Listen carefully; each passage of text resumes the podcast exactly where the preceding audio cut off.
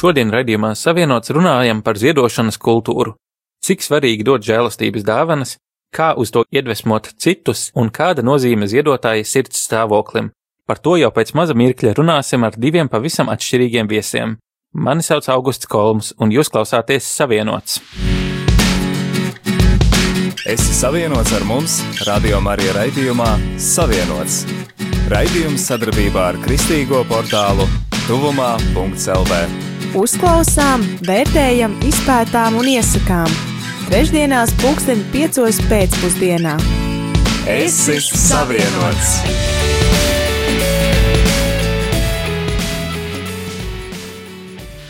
Rubrika Ieklausāmies! Ar tevi raidījums Savienots! Šodien raidījumā savienots viesojas Mārīte Girgensone no labdarības organizācijas Karitas Latvija un uzņēmējs, kuru šodien sauksim vienkārši par Andri, jo viņš nevēlējās raidījumā atklāt savu īsto vārdu. Pastāstiet par sevi, kas jūs esat un ko jūs ikdienā darat. Es ikdienā darbojos Skaidrs Latvijā. Mans amats ir komunikācija un finansējuma piesaistes projektu vadītāja. Un, principā, mans darbs vienkārši ir rūpēties par to, lai tas, kas notiek pie mums, lai tas tiktu arī atspoguļots un lai cilvēki vairāk uzzinātu par Karits misiju un arī, lai vairāk arī brīvprātīgo iesaistītos mūsu darbos. Man ikdiena paiet darbā ar komercdarbību saistītā nozarē, un darbs ir saistīts ar gan savu, gan arī citu personu publiskā tēla veidošanu un arī ar finanses piesaistes jautājumu risināšanu.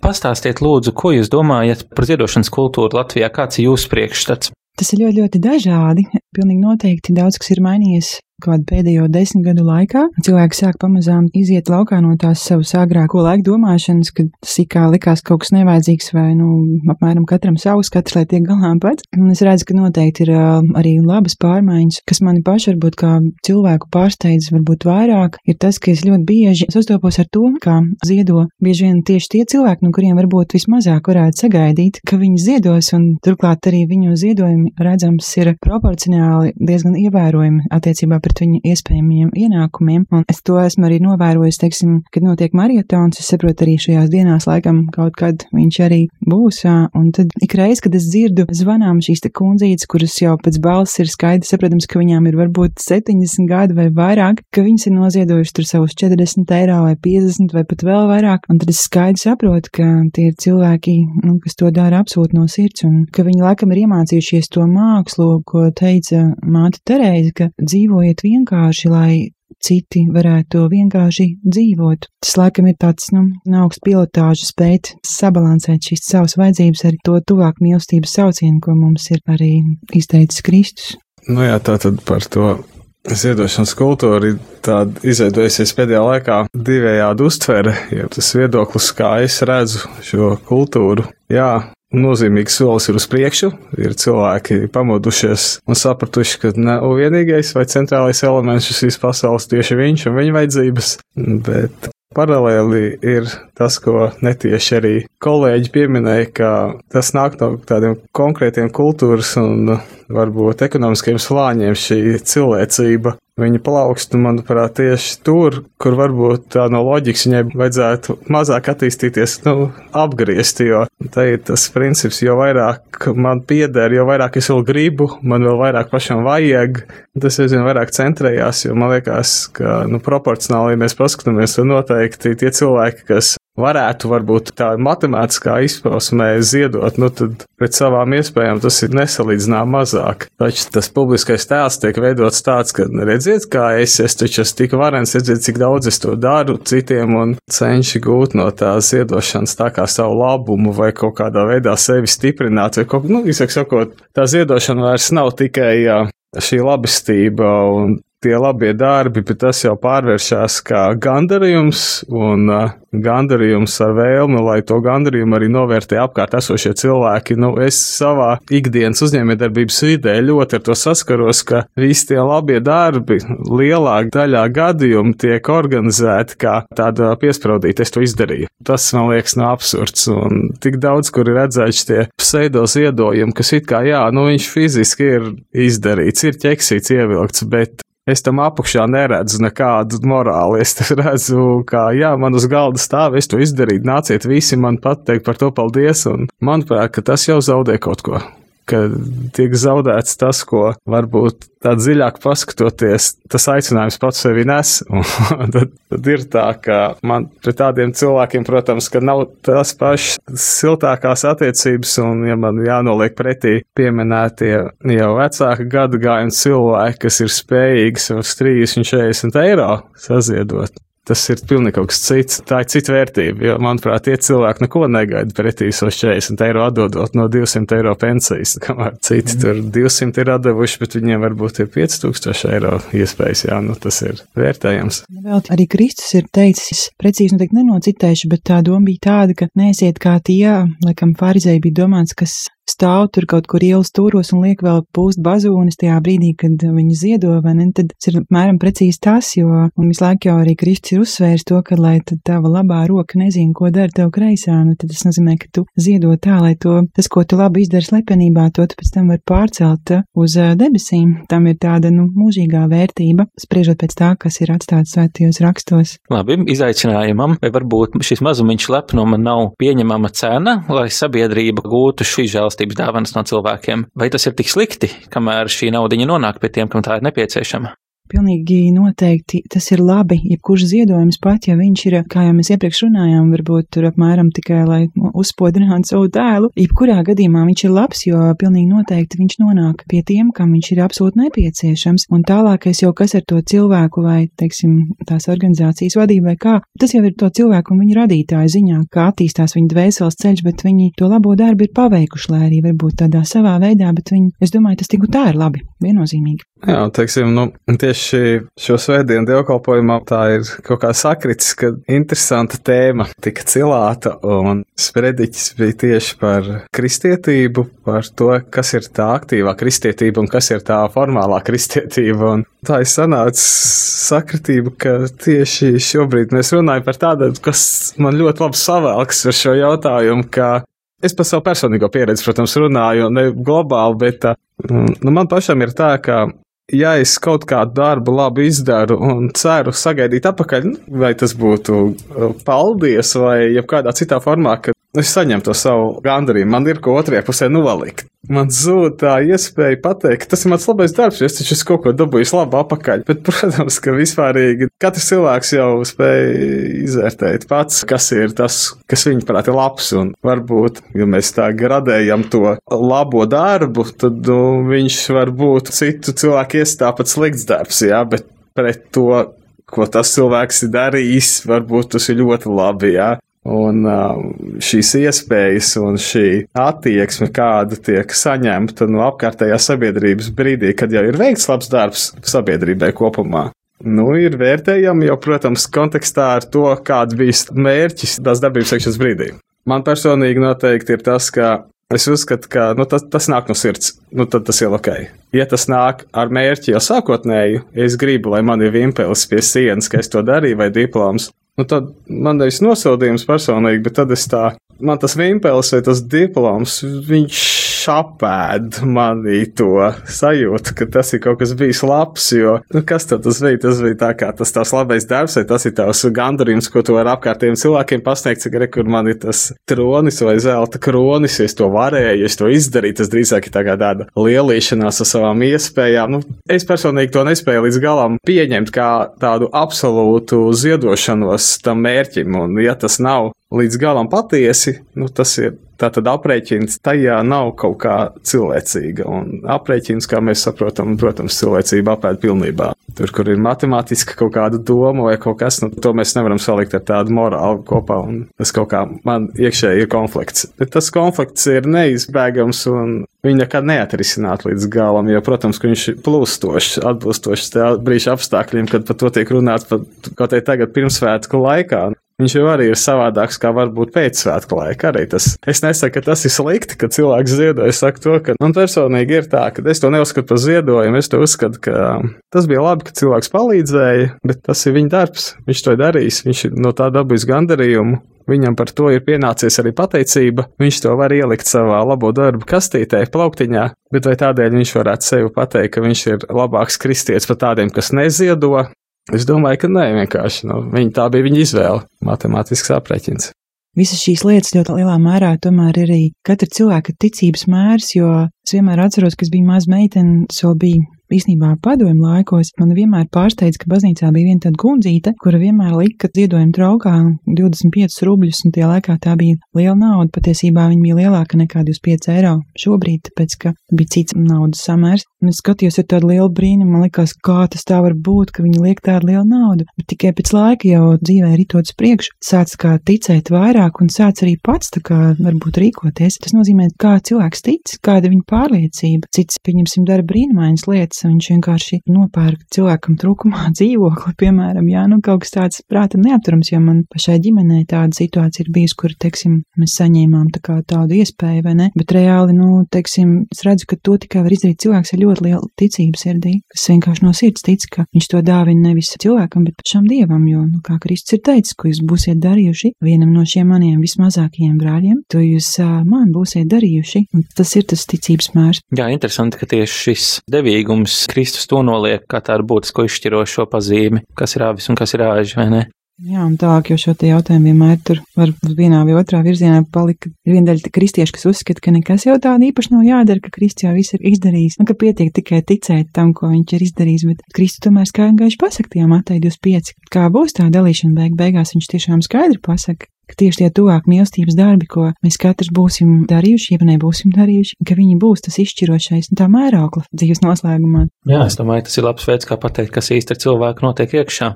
Jā. Vienīgi tad šeit ir tas jautājums, ja kāds pārticis cilvēks ar lielām iespējām ziedot, bet viņš to tur slepenībā, vai tas nav tā, ka viņš citiem laupa patiesu skatījums to, kas viņš ir, un ka varbūt viņš visu mūžu nodzīvo, un citi viņu uzskata par sīkstuli skopuli, un izrādās, ka viņš varbūt ir vairums savas bagātības atdevis dāvanās. Tā noteikti arī, es domāju, ir noteikti, un es domāju, ka mūžībā jau tas būs visiem skaidrs. Lai gan man kaut kā grūti būtu iedomāties cilvēku, pieņemsim, kurš ir dāsns, pieņemsim, kaut vai nu, klusībā, man būtu grūti nocēt, ka viņš varētu visur citur būt sīkstulis. nu, personīgi tie ir cilvēcīgi. Nu, man kaut kā liekas, ka ja viņš kaut kur ir nu, tā dāsni ziedojis, ka kaut kur jau tas, nezinu, citur dzīvē arī mazliet izpaustos. Man tā vismaz gribas ticēt kā cilvēkam. Bet man pašai pārsteidz, jo, zināt, tāds vectētiņš Dobrī kas, starp citu, Bulgārijā dzīvoja. Viņš līdz 2018. gada februārim nodzīvoja. Nu, viņš patiesībā nebija nekāds vecēts, viņš, bija, viņš vienkārši bija viens ticīgs vīrs. Viņš aizgāja mūžībā, viņam bija 103 gadi, un vairāk nekā 25 gadus no savas dzīves viņš ubagoja. Viņš to darīja pie Sofijas septiņu svētu katedrāls un arī pie Aleksandra Ņēska katedrāls pilsētas centrā. Tas viss bija, jā. Un šis tījās pēc kaut kāda tur ubaga, nu, kas tur vienkārši ubago un ubago. Liekas, nu, ko tur viens sēž un ubago, jā. Bet izrādās, ka viņš gada griezumā sākumā viņš noziedoja baznīcai kaut kāds 18,200 eiro, un tā viņam bija katru gadu. Un uh, viņš turpināja šo savu kalpošanu, viņš arī palīdzēja arī klosteriem un arī mazākām baznīcām vienkārši, nu, to visu dāvinot. Un beigās bija tā, viņš arī pats dzīvo ļoti asketiski, jā, viņam bija tas maziņš namiņš, kur viņam principā bija tikai gulta un galds. Bet viņš arī ļoti gribēja palikt anonīms, un viņam tiešām bija tā sirds, tā ļoti ticīgā sirds, bet nu kaut kādi jaunieši kaut kā ļoti viņu paspēja notvert un izveidot visādas tādas Facebook lapas viņam par godu, ko viņš nemaz negribēja, bet nu, tas jau nebija, kā saka, vairs viņa ziņā, nu, ko izdarīt citi, izdarīt citi. Katrā ziņā man ārkārtīgi aizkustināja šāds arī piegājiens lietām situācijā, kurā pats viņš neko nopelnīt nevar, varbūt vecs būdams, jā, bet viņš izdara tādu darbu, Katru gadu tieši šim svētku laiku ir tie labie piemēri, un tad ir tādi sliktie piemēri, kas man ļoti acīs cērtās. Un viens no tādiem sliktiem piemēriem man ir lielveikalu kultūra, iepirkšanās kultūra, un tas ir pilnīgs ārprāts, kas notiek. Tā notiek visā pasaulē, protams, uz tiem svētkiem, bet man liekas, nepieņemam, piemēram, ja, mē, ja mēs skatāmies, ir tā ziedošana, kas pats par sevi it kā ietver tās pazīmes, kam jāizpildās, lai tā tiktu uzskatīta par kaut kādu ziedošanu. Tā ir kaut kāda labuma došana pretī neko nesaņemot, jā, tā vispārējā teorija. Un tad, piemēram, lielveikalos vairākos ir iespēja atdot savas vecās mantas nolietotās, pirms viņas nopērk jaunas atkal vietā. Un tad man liekas, ka nu, tas ir tāds uzstāvs piemērs, kas ir nu, pilnīgi neizviedošana. Tas ir vienkārši atbrīvojis kapī vietu jaunā mantā, vecās atmetot kaut kādā kastē. Nu, gan jau kādam tur vajadzēs. Nu, varbūt es tādās galībās runāju, bet jā, nu, protams, ka cilvēks, kurš kaut ko dara pēc būtības darot to kādam, ko viņš nepazīst, tas ir labs darbs, vai ne? Tā ir teorija. Es gribu ticēt tam, ka jebkurš, kas dara savu labu darbu, neskatoties uz to, vai viņš grib vai negrib kaut ko saņemt atpakaļ, to dara ar labestību, nevis ar naidu. Tas pēc būtības ir labi. Un visi šie labie piemēri, protams, labās lietas, viņas, protams, ka liekas kastītē, ja liekas uz svāru kausiem, lai vērtētu, kas tad ir mūsu dzīves laikā labs vai slikts izdarīts. Nu, es varu pateikt savu personīgo pieredzi, ka darot tādas labas lietas, nu, it kā liekas, ka labas lietas es tā grūti pateikt. Man liekas, tas tā kā drīzāk mans pienākums būtu, bet darot šīs labās lietas, es to redzu tā, ka es to varu izdarīt, es to varu atļauties, es to daru. Man tāds sajūta, ka tad, kad tiks vērtēti mani darbi, man viņi nekur neieskaitīsies, jo es jau to varu atļauties. Šis pieminētais onkulīts, nu, ir uzskatāms piemērs, ka nu, viņam visticamāk tie 18,000 eiro ir nākuši tik smagi ikdienā strādājot, ka, man liekas, lielākajai daļai ziedotāji tas ir nesasniedzams mērķis. Tas ir tas labais piemērs, ka cilvēks ir līdz pēdējiem tajā iekšā, ka tas viņam sāp, jo šis princips, jā, aizstāvēt kaut kādus savus principus vienmēr ir kaut kādas ciešanas, jo kamēr mēs runājam par principu kā par nu, sevi pasniegt, jā, es esmu principu cilvēks, ir baigi ērti, bet tad, kad mēs nonākam līdz brīdim, kad principi jāaizstāv, nu tad parasti, tad pēkšņi ir kaut kādas izmaiņas sastāvā. Tas pats jau arī ar šādām, teiksim, cik daudz es esmu spējīgs dot citiem, cik daudz tas man sāp. Nu, Ir tas pats tās, piemēram, kādam onkulītam tas bijis, prātām, neaptverami, cik grūti, ja viņš ir katru dienu gājis un prasījis. Tas ir Man kā liekas, ka visa tā ziedošanas lieta pēc būtības vēl ir kaut kā, kā pateikt, vēl būtu pamatojumi tā, nu, iedomāsimies, mēs pieņemsim, ir cilvēki, kas, nu, vispār nekam tādam netic, viņi vienkārši domā, nu, kam to visu vajag, nu, dzīve ir tikai šeit, gal galā, nu, šeit mēs piedzimstam, šeit mēs nomirstam, un nekā vairāk nav. Un tad viņiem varbūt liekas, nu, ko tur tādu, nu, labi, varbūt tur savam bērnam kaut ko nopirkšu, varbūt tur vecmāmiņai vēl kaut kam, nu, tā vai ne, bet viņiem nav tās ticības, ka, nu, ka būtu vērts tomēr arī kādam citam, nu, tiksim, tālāk arī palīdzēt, bet tad tomēr, man liekas, ka jebkura veida pamudinājums vai jebkura veida liecība ir no svara, lai šādi cilvēki to arī dzirdētu, jo, nu, nevēl, teiksim, arī Bībelē, nu, teiksim, desmitā tiesa, kas vecajā darībā jo īpaši tā kā tiek pieminēta, kur tiek pieminēts, ka no saviem tieši pirmatņiem, tā teikt, no savas algas pirmatņiem, tātad, nu, iedomāsimies, es saņēmu aldziņu, tad, nu, nevis tur pēc tam, ka tu tur būs nomaksājis visus tur komunālos, ko tur un kredīts, bet tikko kāds saņem, tad tos 10% arī Dievam dāvini, spēt noticēt, kaut vai tas, ka Dievs svētīja to, kas dara labas lietas. Es vienmēr atceros to, kā man pašai ir bijis, ka, nu, Es arī negribu šeit, lai Dievs pasaka kaut ko teikt tur un tā, ko es tur būtu labi darījis, bet vienkārši tīri kā tāda liecība man ir nācies, teiksim, nu, kādam palīdzēt, varbūt arī brīdī, kad man pašai nemaz nav gājis tik viegli, bet vienkārši tāpēc, ka es no sirds to esmu vēlējusies. Bet vienkārši Dievs ir tik uzticams, ka, piemēram, vienā reizē es tur biju aizgājis uz kādu pansionātu. Es iznācu ārā un pēkšņi bija atnāks kaut dīziņu, un es skatos, kā tas var būt. Mans bijušais darba devējs, kas, kur jau man vairāk kā gadu nav nekāda darba attiecība, man kaut kādu prēmiju ir ieskaitījis, jā. Man liekas, nu, kādā sakarā, un es taču tur jau neizstrādāju, bet, nu, tādā kontekstā, ka par pagājušā gada sniegumu, es domāju, interesanti, pagājušajā gadā es darbā biju, laikam, apaļus trīs mēnešus, jā. Kāds tur sniegums varēja būt tajā laikā? Pat arī tiem, kuri varbūt, nu, netic un nedomā par to kā par kaut ko svarīgu vai vērtīgu, nu, citādi skatu punktu paskatoties, ka arī tiem cilvēkiem, pieņemsim, kā man tajā situācijā, ka nu, nebūtu nebija viegli, bet vienkārši es redzu to Dieva roku pār to visu, un es redzu, ka tas ir kaut kas tāds, ka viņš redz cilvēka sirdi. Nu, redzot to sirdi, viņš parāda, ka tu esi viņa bērns, un viņš neatstāja tādu bērnu, viņš absolūti neatstāja no nu, tāda skatu punkta, nu, to kā ir arī aicināti paskatīties, un īstenībā varbūt pat arī liecināt vienam otram, varbūt tādam neticīgam draugam vai kaimiņam vai paziņam, nu, ka kā Dievs darbojas tādos brīžos. Jā, par to liecināšanu ir personīga pieredze, ka, nu, ir, protams, ka tā mūsdienu jaunatnē saprot taustāms lietas. Tas ir iPhone, tas ir dators, tā ir mašīna, dzīvoklis, tas ir konta apgrozījums. To saprot, ka mēs runājam jau par morālām vērtībām. Tam prasās mūsdienās visiem, tagad lielai daļai jauniešu, baigi modīgi ir prasīt pierādījumu visam, vai ne? Un tas ir izteikts, jo piemērs ir tā kā baznīca, kristietība un šīs vērtības, kuras es personīgi saskaros, kad no liela daļa jaunu cilvēku, ar ko es kopā strādāju, to negrib. Kāpēc negribu, jo to nevar izskaidrot. Un tad, kad tās lietas es skaidroju šādiem saviem kolēģiem caur pasaulīgām salīdzinošajām vērtībām, tad tās lietas tiek pieņemtas ļoti veiksmīgi. Man tāda personīgā pieredze un personīga sāpe ir, ka šis ziedojums, kas ir kā sava iesaiste, nevis kā nauda vai mantas, bet ka cilvēki ir darījuši kaut ko labu citu labā. Man pašam ir tā pieredze tāda, ka es varu izstāstīt konkrētu stāstu, lai spētu vizualizēt, par ko šis mans komentārs.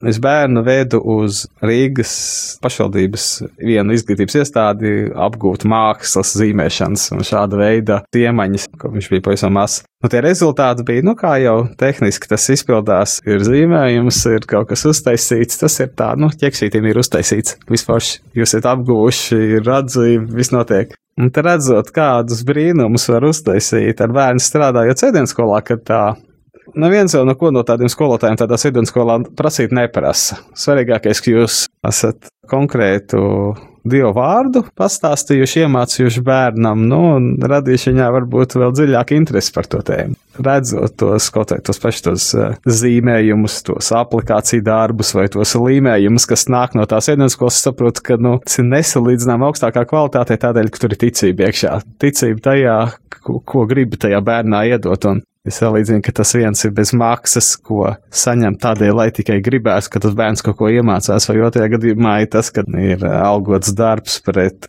kādiem kvantitatīviem rādītājiem. Nu, man personīgi tas ļoti, ļoti uzskatāmi palīdz arī kaut kādā ikdienā, kad es stāstu, kāpēc, teiksim, pievērsties kādiem labiem darbiem, tieši šo piemēru, kas man pašam ir pārdzīvojums par savu bērnu un sēdienas skolā gūtajiem tajiem labumiem.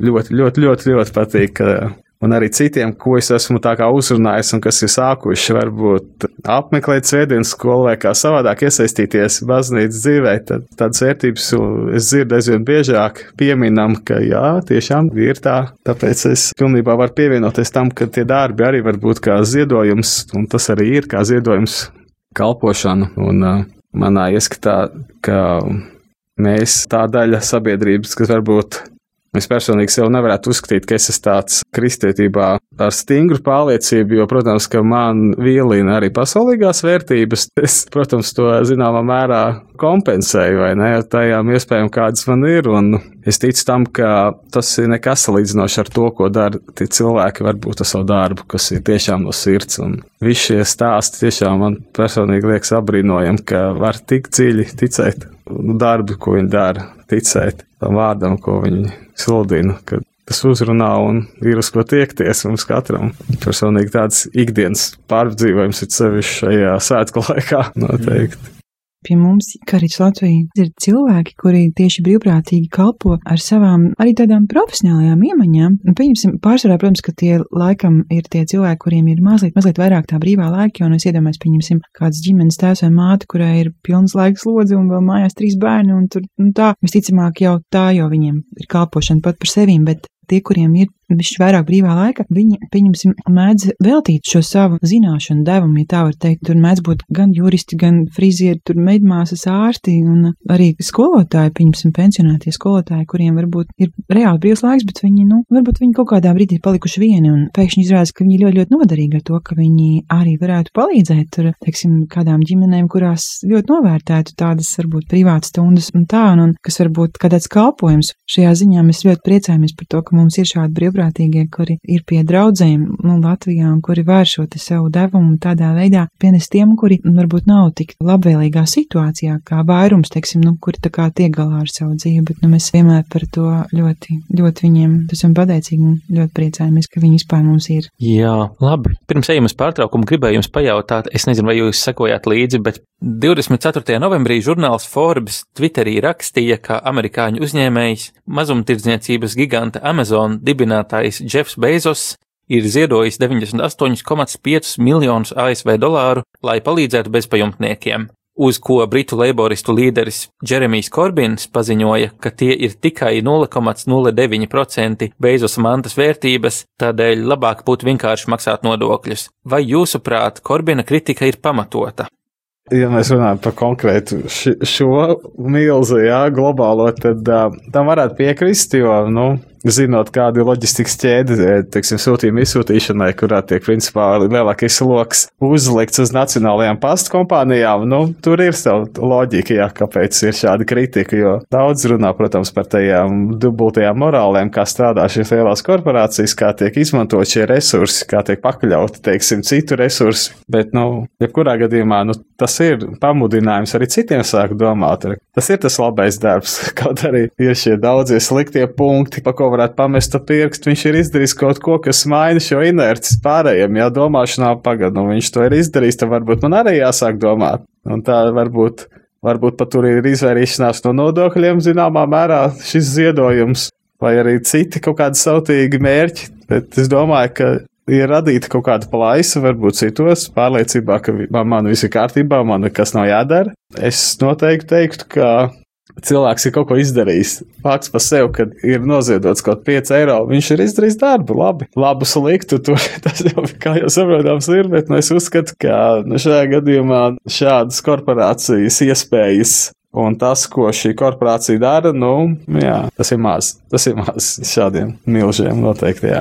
Un es nu, tieši tāpat pievienojos Andrim, jo arī domāju, ka viennozīmīgi tomēr šis solis ir vērtējums kā pozitīvs, jo tāpēc, ka lai vai kā, bet uh, tas ir solis un lai vai kā tas ziedojums, nu, grūti, jo tagad katram izmērīt mums, ja tas ir 0,0 tur cik procenti, bet, nu, jebkurā gadījumā summa ir iespaidīga un es domāju, ka tiešām gan jau kādas sirds tas arī kurā gadījumā uzrunās un vēl jau vairāk. Tas ir ziedots īstenībā, ja tā aizdomājas, tas ir ziedots tādam kontingentam. Es nezinu, kā tas ir citās valstīs, bet es zinu, ka Latvijā joprojām pret tiem, kas ir bezpajumtnieki, ir kopumā ļoti skarba tomēr tā attieksme kaut kā, nu, lielākais vairums izvēlētos neziedot bezpajumtniekiem, tāpēc, ka cilvēkiem ir tendence domāt, pats tu esi vainīgs, ja tu tur esi nokļuvis, ja. Te pašā laikā neviens cilvēks nekad mūžā nav gājis tieši tā cilvēka dzīves ceļu. Viņš nekad nav stāvējis viņa kurpēs. Viņš nezina, kādām dzīves ēlēm un kādām vētrām viņš varbūt ir gājis cauri tur savā bērnībā vai kad. Viņš nekad to nevar zināt. Es nekad nevaru zināt, kāpēc tas vai tas ir nokļuvis tur, kur viņš ir nokļuvis. Un no tāda viedokļa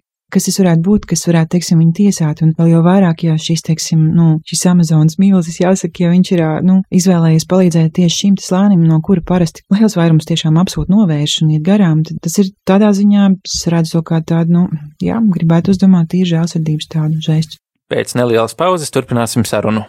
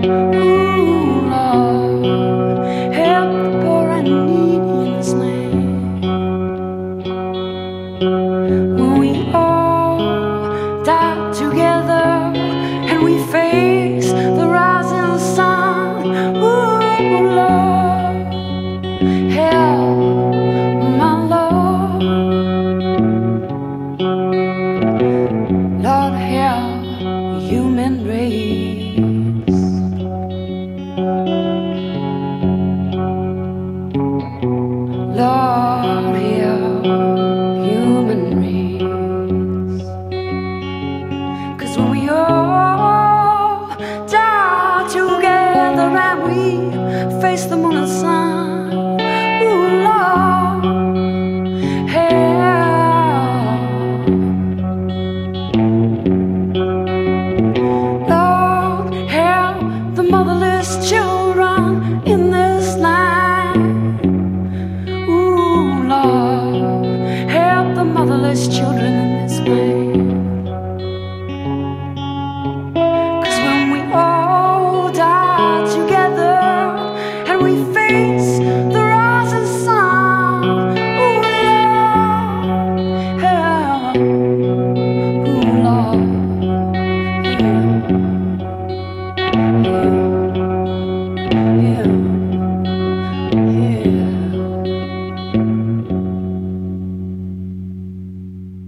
Šodien raidījumā savienots viesojas Mārīta Jirgensone no labdarības organizācijas Karitas Latvija un uzņēmējs, kuru šodien sauksim vienkārši par Andri. Savu īsto vārdu viņš raidījumā nevēlējās atklāt. Pirms pauzes runājām par Amazon prezidenta un dibinātāja Džefa Beizos ziedojumu bezpajumtniekiem un britu laboristu līdera Jeremija Korbina izteikto kritiku. Vēlējos jautāt jums, vai jūsuprāt nodokļu maksāšana var aizvietot ziedošanu? Ir bieži mēs dzirdam šo argumentu, ka valstī taču jārūpējas par cilvēkiem, un ja es kārtīgi maksāju nodokļus, tad es savu daļu esmu izdarījis. Kas jums ir sakāms par šādu ideju?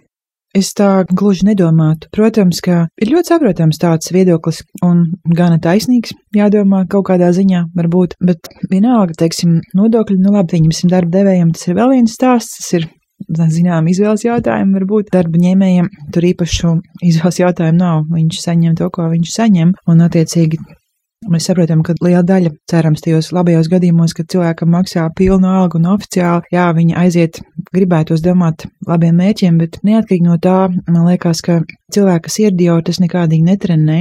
Vai arī, pieņemsim, man maksā tur pilnu algu un, attiecīgi, arī nodokļus. Tas manā dvēselē neko neizmaina. Es saņemu algu, vai, pieņemsim, ja es būtu darbdevējs, es maksātu nodokļus, bet tas nepievienotu to vērtību, jo man vienalga kaut kā nāk prātā atkal jau bišku cits, tomēr arī no Bībeles, kur tas bagātais jauneklis bija atnācis pie Kristus un jautāja, kas man ir jādara, lai es iemantotu debesu valstību. Un Kristus viņam teica, pildi baušus, un viņš uzskaitīja. Tur tiešām bija tā, ka tur godā un cienu savu tēvu mātu, laikam nezodz nepārkāp laulības, neatceros precīzi, bet viņš vairākus minēja. Šis puisis teica, bet es jau no mazotnes to visu esmu darījis. Iznāk, ka viņš ir ļoti labs puisis, viņš visu ievēro, viss ir kārtībā. Nu, tad, ja es viņam saku, nu, tad ejam pārdot savu mantu un izdēl to nabagiem un tad tev būs māte debesīs. Ja tā padomā, nu, īstenībā doma jau ir tāda, ka jebkurā gadījumā tev ir jāveic absolūti tāds ekstra solis, ļoti nopietns ekstra solis, lai tava dzīve skaitītos vispār. Pat ja, teiksim, valsts nav izdarījusi savu daļu,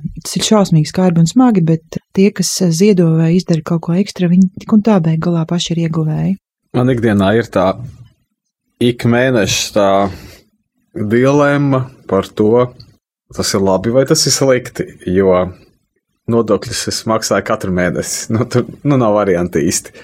Un, uh, nu, es to redzu tā, ka nu, ir uzlikti šie noteikumi, kas ir likumi, ienākumi, kas ir darba devējiem un uzņēmumiem vai kādiem citiem komerces darbību veicošiem veidojumiem jāizpilda, nu, kas ir valsts noteikumi. Nu, tie noteikumi jau pārsvarā ir radīti vispārīgi, tā kā visas sabiedrības interesēs. Un, protams, ka šī iespēja veikt kādu sabiedrībai, kādai konkrētai sabiedrības daļai, kādam slānim, kādu labu darbu, ziedojot to mērķu sasniegšanai, kas ir tie saucamie sabalabi, jā, tie sabiedriskā labuma organizācija, projekti un darbība. Man ir šī kaudze, jebkurā gadījumā tāpat jādod. Es viņu atdošu tagad valsts budžetam, vai pašvaldības budžetam, vai kādam sabiedriskam labam mērķim. Es tāpat to naudu kādam atdošu. Nu, es tā tad man ir pienākums to atdot, un tad ir tā, ka es kā, nu, labi, ņemiet, ņemiet, bet ziniet, nu, es tā kā sadalīšu, bet kaut ko vēl tā kā apakaļ gribētu to savu labumu. Nu, un tad es personīgi to neuzskatu par ziedojumu. Man tas liekas vienkārši tā ir uh, kaut kāda mana nodokļu maksājuma daļa, kas tiek diferencēta, kur es viņu novirzu. Jā, es esmu, ja ir kāds mērķis, ko es redzu kādai sabiedriskas labuma organizācijai, jā, es to daru, bet es tāpat saprotu, ka es to naudu kaut kādā veidā, kaut kādā daļā dabūnu atpakaļ. Protams, ka tā nav visa, un, protams, ka tas nav tik izdevīgi tā, ka man viss tā nauda varbūt paliek tā kā kompensējās, bet tāpat es to redzu, ka tas ziedojums ir drīzāk iespēja nemaksāt valstī budžetā, bet ir iespēja kaut kādā zināmā daļā veikt kādu citu darbu, atbalstot citu organizāciju. Nu, tas ir izteikti, kā es redzu sabiedrībā, nu, varbūt neminot konkrēti, bet ir sporti, tas ir uh, kādas lielas publiskas masas, ko var redzēt. Tādas aktivitātes parasti ļoti naski ir sponsoriņi, jā, kas ziedotāji, kas atbalsta šo lietu. Nu, tā nav noteikti tā ziedošanas kultūra, kas rada to patīkamo garšu pēcgaršu. Pēcgaršu noteikti labāk ir pieminētajiem onkulītim, pieminētajai vecā gājuma dāmai, kas ir katru mēnesi varbūt ziedojusi naudu. Nu, manuprāt, atmiņā paliek tie tieši. Un kāpēc paliek atmiņā, nu, tad tas jautājums, kas tad ir tajā tik īpašajā. Tas ir tas, cik jācieš pašam, lai to sasniegtu. Noteikti uzskats, ka tas nav labs darbs. Tas nav labāk. Tas nav labāk kā maksāt nodokļus. Maksāt nodokļus dalot, nu, tā ir iespēja, nevis labs darbs. Kamēr esam pie tēmas par valsti un par nodokļiem, tīri tāds utopiskais scenārijs, bet ja jums ir iespēja izvēlēties, vai mums valstī būtu stabila, droša un nekorumpēta labklājības valsts sistēma, vai arī, ka mums būtu izcila un kristīga ziedošanas kultūra, kas ir tas, ko jūs izvēlētos? Nu, ir lietas, kuras, protams, nevar izskaust, bet kuras arī nu, pa lielo ir sistēma pēc būtības. Ir nauda, nauda ir vilinājums. Sistēma, kas ir absolūti simtprocentīgi tīra no jebkāda veida nelikumīgām darbībām ar koruptīviem riskiem un uh, visādām varas izmantošanām savās interesēs. Pie šādas utopijas, protams, ka tāda sistēma, kas it kā aizsargā sabiedrību un sabiedrību atbalstu un attīsta, un spētu pēc savas loģikas, no nu tā no teorijas, uh, uzturēt arī visas tās interešu grupas, kurām ir šis sabiedriska labuma organizācijas status. Ja mēs skatāmies no likuma, tad šis sabiedriski nozīmīgais darbs ir tāds, ko tādu atzīst valsts finanšu ministrija atzīst kādu par tādu. Tāpēc tie ir no juridiskās puses sistēma, kas ir tīra, sistēma, kur ir spējīga sevi pilnībā nobarot ar nepieciešamo finanšu resursu, patiesībā izslēgtu nepieciešamību sabiedrībai iesaistīties ziedojumā kā tādā, tad sabiedrības tātad visi slāņi vienlīdz tiktu pabaroti un nodrošināti visām savām vajadzībām. Tāpēc es pie šādas utopijas noteikti teiktu, ka, nu jā, nu valsts jau kā tāds orgāns kopīgs, kas sastāv no daudzām mažām infrastruktūras daļām, nu, viņš spētu, viņš spētu, un es būtu par to tīri, kā kādu, teiksim, pats pēc izglītības arī ar juridisko saistīts, tad man noteikti, es, es būtu ļoti priecīgs, ja tāds būtu. Es domāju, ļoti loģisks tāds skatījums un arī ļoti tāda laba utopija un tāds patīkams scenārijs izklausās, pieņemsim, tāds būtu iespējams. Tāpat laikā man vēl nāk tāda interesanta, višķi cits skatpunkts šai sakarā prātā. Tas gan nāk varbūt vairāk no tiem cilvēkiem, kuri nodarbojas tieši ar tā evaņģēlīja vēstu izplatīšanu. Pēc viņu pieredzes viņi ir secinājuši to, gan, teiksim, Heidija Beikera un arī vēl tur citi, ka Rietuma Eiropā labklājības valstīs ir ļoti neparasti, bet cilvēki ļoti daudz noraida evaņģēliju. Šeit man liekas, rodās tāds neparastais paradoks savā ziņā, arī par ko faktiski ir runājis Kristus kaut kādā mērā. Viņš ir Viņš teica tādus diezgan tādus mm, paskarbus vārdus, ka vieglāk ir kamilim iziet caur adats aci, nekā bagātam nonākt debes valstībā. Es saprotu, tas skan drausmīgi varbūt, jā, bet Kristus ir tieši tāds vārdus teicis, un savukārt, piemēram, Heidī un citi evaņģēlisti, kas ir mēģinājuši, teiksim, darboties dažādās valstīs un kultūrās, teiksim, tur Āzijā, Āfrikā un arī, teiksim, Rietuma Eiropā. Viņi secina, ka Rietuma Eiropā cilvēki ir tik pašpietiekami, viņiem viss ir vienkārši, ko jums no mums vajag, nu, teiksim, nu, viņiem tā evaņģēlija vēsts ir, nu, kaut kur tā, nu, tas ir vienkārši no citas skatu punktu pieiet šim jautājumam. Tas ir tāds savā ziņā koks ar diviem galiem, no kuras puses paskatās. Jā, es gribēju tāpēc arī jautāt, man tas nākamais jautājums būtu par šīm labklājības struktūrām, pat ja mēs pieņemam, ka viņas varētu tiešām tik utopiski labi darboties, un tas ir ļoti liels jautājums, bet vai tas nepazaudē šo dvēselisko vai šo morālo pusi, par ko mēs iepriekš runājām, ka šāds ziedojums, kas nav no laba prāta, kas ir tikai nodokļu maksājums, ka tas morāli nekā neceļ. It kā mērķis tiek sasniegts tādā materiālā līmenī, bet šajā garīgajā līmenī vai kaut kas nepazūd? Tā. Uh, no. Es teiktu tā, ka tas, kas tiek darīts sistēmiski, tas nogalina, vai tas, kurā tiek meklēts atbildes no praktiskās puses, tas nenoliedzami nogalina iespēju sev morāli kaut kā piepildīt. Jo kamēr mēs meklējam atbildes uz jautājumiem, lai tam pieskartos, lai saprastu, ja mēs meklējam atbildes uz jautājumiem, kā es sev varu materiāli labāk situēt, vai kas ir tas, kas man ir padarījis tik bagātu vai tik, tik foršu vai skaistu. Mēs meklējam kaut kādu saikni ar to pasaulīgo. Kamēr ir šādi sistēmiski jautājumi, mēs nekad neaugsim savā ticībā. Un, protams, ka pie utopijas, kurā cilvēki var paļauties uz sistēmu, ka sistēma viņus aizsargā, visticamāk, ka mūsu morāli cietīs pirmā. Noteikti. Nu, es pieņemu, ka tu, tu, tas būs pirmais, kas cietīs, jo cilvēkiem vairs nebūs par to tik bieži, kad aizdomāties, jo viss būs sakārtots. Jā, īstenībā absolūti piekrītu. Tāds laikam arī ir. Un kaut kā citreiz arī vēl tā neparastā doma par to, ka izrādās, ka pieņemsim nabagi, viņi it kā ir vajadzīgi pat nu, tiem mums, kuriem varbūt ir mazliet kaut kā vairāk dzīvē paveicies, tādā ziņā, ka viņi ir vajadzīgi mūsu pašu sirdīm un mūsu pašu dvēselēm, lai tā kā kaut kādā veidā mūs uzrunāt, lai arī, nu, paturētu kaut kādā veidā dzīvu arī to mūsu sirdsapziņu kaut kā tā, un jo tiešām pie tāda scenārija, kad pēkšņi viss ir tik rožaini un par visu ir padomāts, kaut kāds ļoti būtisks aspekts tiek laupīts arī tādā sabiedrībā, acīm redzot, tāds tīri tāds cilvēcības. Es gribētu tagad parunāt par to, kam mēs ziedojam tīri praktiski. Kā jūs domājat, kas ir tas, kam ir vērts ziedot, ka mēs zinām, ka tas ziedojums tiešām sasniegs savu mērķi? Nu, man tās ziedošanas kultūra saistās ar uh, to, ka es ar to arī zināmā mērā veltu laiku un veicinu izpratni saviem kolēģiem par to, kas ir tas, kādēļ tas ir jādara.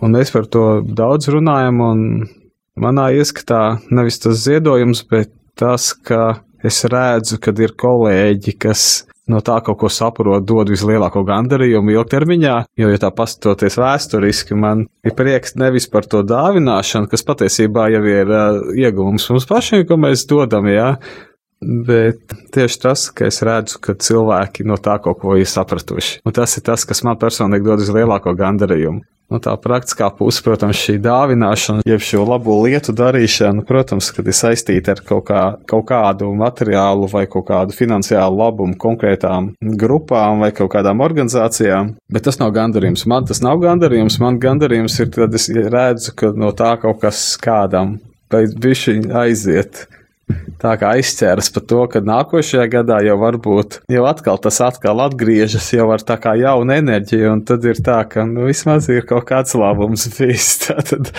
Tā kā ir šī iespēja arī redzēt kaut kādā ziņā mazliet arī tos ziedojumu augļus, vai tā? Jā, jā, jā. jā. Man ne tikai tie ziedojuma augļi, bet arī tas, ka es aģitēju arī citus cilvēkus, kas man ir apkārt ikdienā, tam piesaistīties. Un man personīgi mans labums, ja kādēļ es to pašu, to ziedošanas, to, nu, to ķeksīt par tā materiālā vai kāda cita labuma nodošanu kādai trešai personai neredz kā labumu, tādēļ, ka mans labums, es redzu, ka ir kāds, kas tam ir pieslēdzies un arī tā dara. Man tas, tā ir tā enerģija, un ja tā enerģija, man principā, es esmu tāds ieguvējs, ka es nespēju iztēloties, kas no tāda laicīgā var dot tik lielu enerģiju, kā tas, kad es redzu, ka kāds cits sāk arī darīt kaut ko labu. Paldies par tādu iespēju. Tas ir vienīgais, ko es varu pateikt jā, tajā brīdī. Labais vairo labo, absolūti. Tā ir. Kas ir tādi uzticami saņēmēji, kam ir vērts ziedot? Es domāju, teiksim, mēs varam ziedot baznīcā, mēs varam veikalā iemest kastītē kādu naudu, mēs varam iedot ubagam uz ielas vai mazai meitenītei, kas spēlē instrumentu kaut kur vecrīgā. Mēs varam piezvanīt uz ziedojumu tālruņiem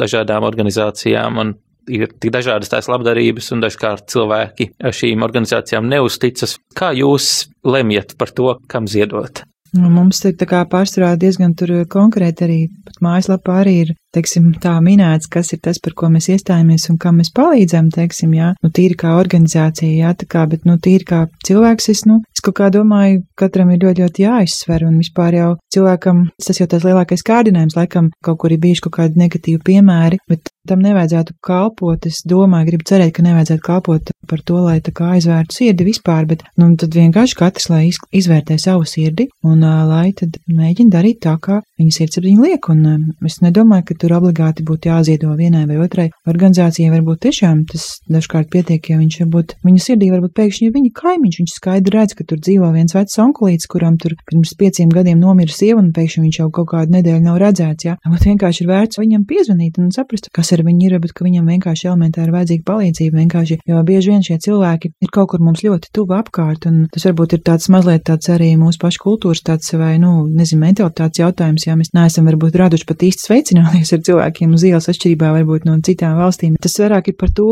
nu, atvērt savu sirdi vienkārši tā, tepat blakus mēģināt saprast, varbūt, ka man blakus ir kāds, kam vajag palīdzēt. Un, tiksim, plašāk, jā, nu, protams, ka daudz drošāk ir ziedot organizācijām, kurām jau, nu, ir zināma, teiksim, reputācija un pārbaudītas viņu vērtības arī dzīvē un tā, un, bet, nu, katrs, lai dara, man liekas, tīri, kā viņš savā sirdī to ir sajūts. Galvenais, lai dara. Galvenais, lai dara. Man personīgais pārdzīvojums tieši ir par to, ka tā ikdiena paiet, un, protams, ka liekot kastītēs viss atbildes, lai viss būtu skaidrs un kārtīgs. Visā procesā visam jābūt kārtīgs, un tā ir tā man tā darba ikdiena, un priekš tās darba ikdienas, protams, ir ļoti grūti tā apziņa, kas ir pilnīgi pretrunā ar to, ko, nu, es, teiksim, ikdienā, nu, draudzē un baznīcā gūstu ka nekas, kas ir tajā kastītē, īstenībā, nu, tas ir pilnīgi garām. Kad viss tas, kas ir tev jājūt, ir ar Tā tad ar garīgām vērtībām jāsasniedz tā, tā, tā sav, tas savs miers. Nevis ar tiem kastītēm saliekot visu. Man ir tā pieredze tāda, ka līdšanai šīs organizācijas, kas ir ar to savu mērķi, labo, ka man personīgi viņas neuzrunā tā iemesla dēļ, ka nu, ir šīs kastītes. Un tādēļ es tieši cenšos atrast tieši problēmu Un, teiksim, ja es redzu problēmu, es viņu atrisinu. Ļoti bieži tas pat ir izaicinājums, ka tās problēmas nu, bieži ir arī tādas, kuras ir ļoti grūti atrisināt, kāda cilvēka interesēs. Bet es to daru tādēļ, ka es esmu atvērts sirdi. Protams, ka nevarētu teikt, ka šo organizāciju darbs ir slikts vai jebkādā veidā nosodošs, protams, ka nē, un visi šie pasaulīgie stāsti par uh, kaut kādām cilvēciskajām vājībām, nu, nu, ir tas pats, kas, nu, ko stāst par baznīcām, ko stāst vispār par kristiešiem, nu, ka tas ir, nu, vienmēr būs kāds, kas kaut ko sliktu teiks, bet uh, katram ir savs, un man liekas, ka šo organizāciju tas uh, redzes, uh, redzesloks parasti ir uh, cilvēki, kuriem nav tik daudz tā sasaisti ar kādu jautājumu jautājumu, ka viņi gatavi atvērt savu sirdi. Jo cilvēki varbūt līdšanai, kas nav to darījuši, viņi jāiemāc. Un manuprāt, tas ir tāds ļoti labs atspēriens šīs organizācijas. Lai sāktu kaut ko labu darīt, sākt ar šo organizāciju paustiem mērķiem. Man liekas, ka tas arī strādā, un cilvēki tālāk var, viņi saprot, ka viņi no tā gūst, un tad jau viņi tālāk meklē, kā sev piepildīt un ka tas tādā veidā spēja nonākt līdz kādam jaunam mērķim, ko viņi jau paši varbūt attīsta tālāk. Tādējādi, kā tāds ziedošanas ilūzijas iekšējās startups ir ļoti labs. nu, jā, es pieņemu, mums droši vien ir aizspriedumi kādreiz ne tikai pret organizācijām, bet arī pret atsevišķiem cilvēkiem. Piemēram, ubadziņš uz ielas, kurš nāk un prasa naudu, un tad ir jautājums, vai mēs sakam, jā, mēs gribam viņam šo naudu dot, vai arī es labāk nedošu viņam, jo tas būs viņam tikai iespēja to nodzert, nosmēķēt vai kā citādāk dzīves vēl lielākā postā. Kāda ir jūsu pozīcija par šo jautājumu? Vai tā ir mana sirdsapziņas problēma, kā šis cilvēks izrīkosies ar manu ziedojumu? Ļoti viegli jau dažreiz ir pārbaudīt, Pieņemsim, man prasa šāds tieši ļoti aizdomīgs cilvēks, nu, tur smaržo pēc vairāku dienu pasākumu nopietni. Es saku, nu, varbūt jums vajag veikalā kaut ko nopirkt. Jā, jā, iesim veikalā. Nu, es viņam tur piedāvāju, saku, nu, ko jūs vēlaties? Salasu pārtiku. Ejot pie kases, viņš skatos, ir paķēris līdz divas sāliņas. Man ir kaut kas saslēdzās. Es vienkārši ļoti praktiski piegāju. Saku, es teikšu, atklāti, reku, man ir bērns. Viņš gaida tagad mašīnā. Nu, nav tā, ka es pirkšu jums zāli, jo man ir bišķiņi arī vēl citas prioritātes dzīvē. Nu, es esmu gatava jums nopirkt pārtiku. Un tad mēs ļoti ilgi stājāmies pie kases. Es saku, bet es jums nopirkšu šeit, ja jums vajag. Nē, bet viņam par katru cenu vajag to. Un tad, nu, sanāca tā, ka beigās viņš tā sadusmojas, ka viņš teica, nu, neteikšu, ko viņš teica, nu, īsāk sakot, es ar to savu pārtiku varēju iet tālāk. Situācijas ir dažādas. Tad laikā svētie raksts saka, ka dāvana viņu nomierina sirdi, jo, pieņemsim, citā situācijā pie manis pienāca raudoša sieviete, viņa bija diezgan lielā apjukumā.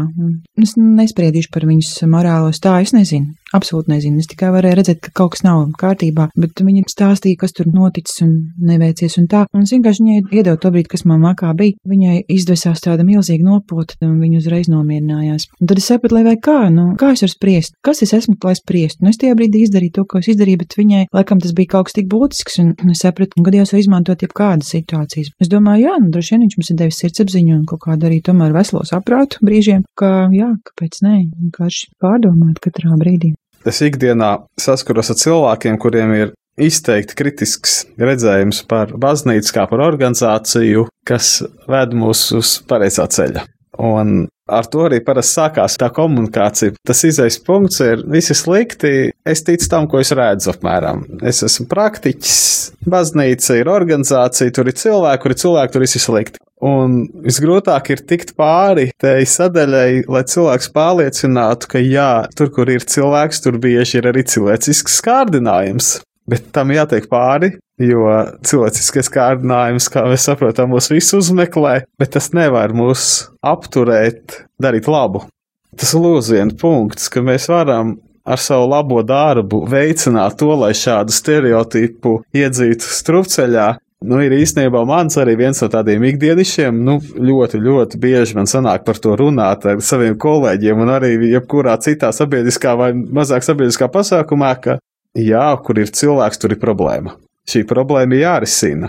Es personīgi uzskatu, ka es neesmu soģis, es nevaru sodīt, un mans šis devums kādam vai kādai organizācijai norobežojas no tā, cik daudz šīs pasaulīgās cilvēciskās iespējamās kārdinājuma formas tu spēj tajā redzēt. Tādēļ tev vienkārši jāpieņem un jāuzticās tajam, ko tu dari. Es tā to mēģinu organizēt ikreiz, kad man ir šāds jautājums, man ir par to sevi tā kā varbūt zināmā mērā jālauž, jo, ja es redzu uz ielas kādu cilvēku, nu tā vispārīgi runājot, man būtu jāpalīdz tajā brīdī, jo es gribu viņam palīdzēt. Jā, tur iespējams ir alkohola veikals ar stūri, iespējams tā cilvēku. Tālākais ceļš tad ir kādam citam jāpalīdz no tās problēmas, viņam tik tārā, tāpēc es runājot par tādu aliņu, man pat bija vienais gadījums, ka jā, es, diemžēl, nopirku to aliņu tiem cilvēkam, jā, bet tādēļ, ka vienkārši viņš tiešām izskaties tāds, ka viņam vajag palīdzēt, un bija arī tāds variants, kā viņš bija nopirkts kopā ar pārtiku. Jā, nu varbūt tajā ir kaut kāda kripatiņa netaisnības iedzīt vēl dziļākā stūrī ar kādu savu labu darbu cilvēku, bet kopumā es domāju, ka ja mēs spējam distancēties no tā nosodījuma par to, kādas iespējamās sekas ir, es domāju, ka nu, tas ir kaut kas tāds, ko mēs nespējam praktiski izskaidrot. Un, ja mēs to nespējam, manuprāt, tas ved uz pareizo ceļu. Raidījuma laiks tuvojas noslēgumam, bet pirms es jūs atbrīvoju, kur ir labākā vieta, es vismaz Marītai jautāšu, kur ir labākā vieta, kur tevi atrast, vai kur atrast Karitas Latvijā? Karits Latviju jūs varat atrast gan caur mājaslapu, Karits LV, kā arī mēs esam Facebookā, Karits Latvija. Varat arī zvanīt man, ja kādreiz kādi jautājumi vai varbūt vēlēšanās iesaistīties karitīvā darbā, dot savu devumu, varbūt ir profesionāli, kā es pirms tam minēju, varbūt, ja kāds var veltīt savu laiku palīdzot cilvēkiem, tad jūs varat arī zvanīt man 26 119 128. Varat arī zvanīt uz Karits telefonu, kas ir atrodams mājaslapā. Andri, tu nevēlies tikt atrasts, bet uz kurieni tu vēlies norādīt klausītājiem? Nu, es noteikti neesmu tādas formas profesionāls iedotājs. Es esmu, teiksim, tāds varbūt iesācējs. Es to daru savu iekšējās pārliecības, nevis kaut kādu profesionālu pienākumu dēļ. Drīzāk jau tā pareizākā forma laikam cilvēkiem, kas meklē palīdzību, būtu vērsties pie profesionālām organizācijām, kā Karits Latvija savu problēmu paušanai. Manuprāt, cilvēkiem, kas vērš pēc palīdzības, tas grūtākais ir uzsākt to dialogu, lūgt palīdzību. Tas ir tas, kas, manuprāt, ļoti daudz pēdējā laikā laikā ir ieskicējies, ka nu, šī problēma palūgt, dot ir viegli, bet prasīt ir nesalīdzinām grūtāk, un tā spēja pareizi ar šādu personu uzsākt šo dialogu, lai cilvēks nejustos atstumts, pazemots, zemāks par kādu, ar ko viņš runā, ir lielākā māksla. Manuprāt, nu, šādas profesionālas organizācijas to tiktu noteikti krietni labāk galā nekā es. Tāpēc. Nē, tas nav jautājums, kur prasīt tavu ziedojumus. Tā tad tavs aicinājums ir vērsties tiešām pie. Jā, noteikti, jā. jo es uzskatu, ka šādas organizācijas savu mērķu sasniegšanai šīs funkcijas spētu veikt nesalīdzinām augstākā kvalitātē kā es, kas visticamāk ir izklaidīgs savos lēmumos pa gaisu, tāpēc jā, tas noteikti ir. saturīgāka un tāda mērķiecīgāka rīcība, paredzamāku rezultātu būtu noteikti pie šādām organizācijām. Šodien redzījumā savienots viesojās Marita Jirgensone no labdarības organizācijas Karitas Latvija un uzņēmējs Andris. Kādas ir jūsu pārdomas par šodien dzirdēto?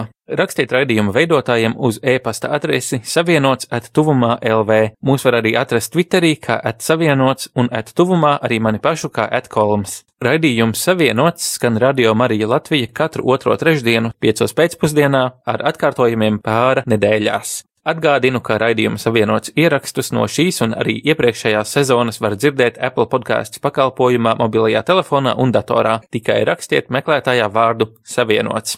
Mani sauc Augusts Kolums, jūs klausījāties raidījumu savienots, uz tikšanos nākamreiz!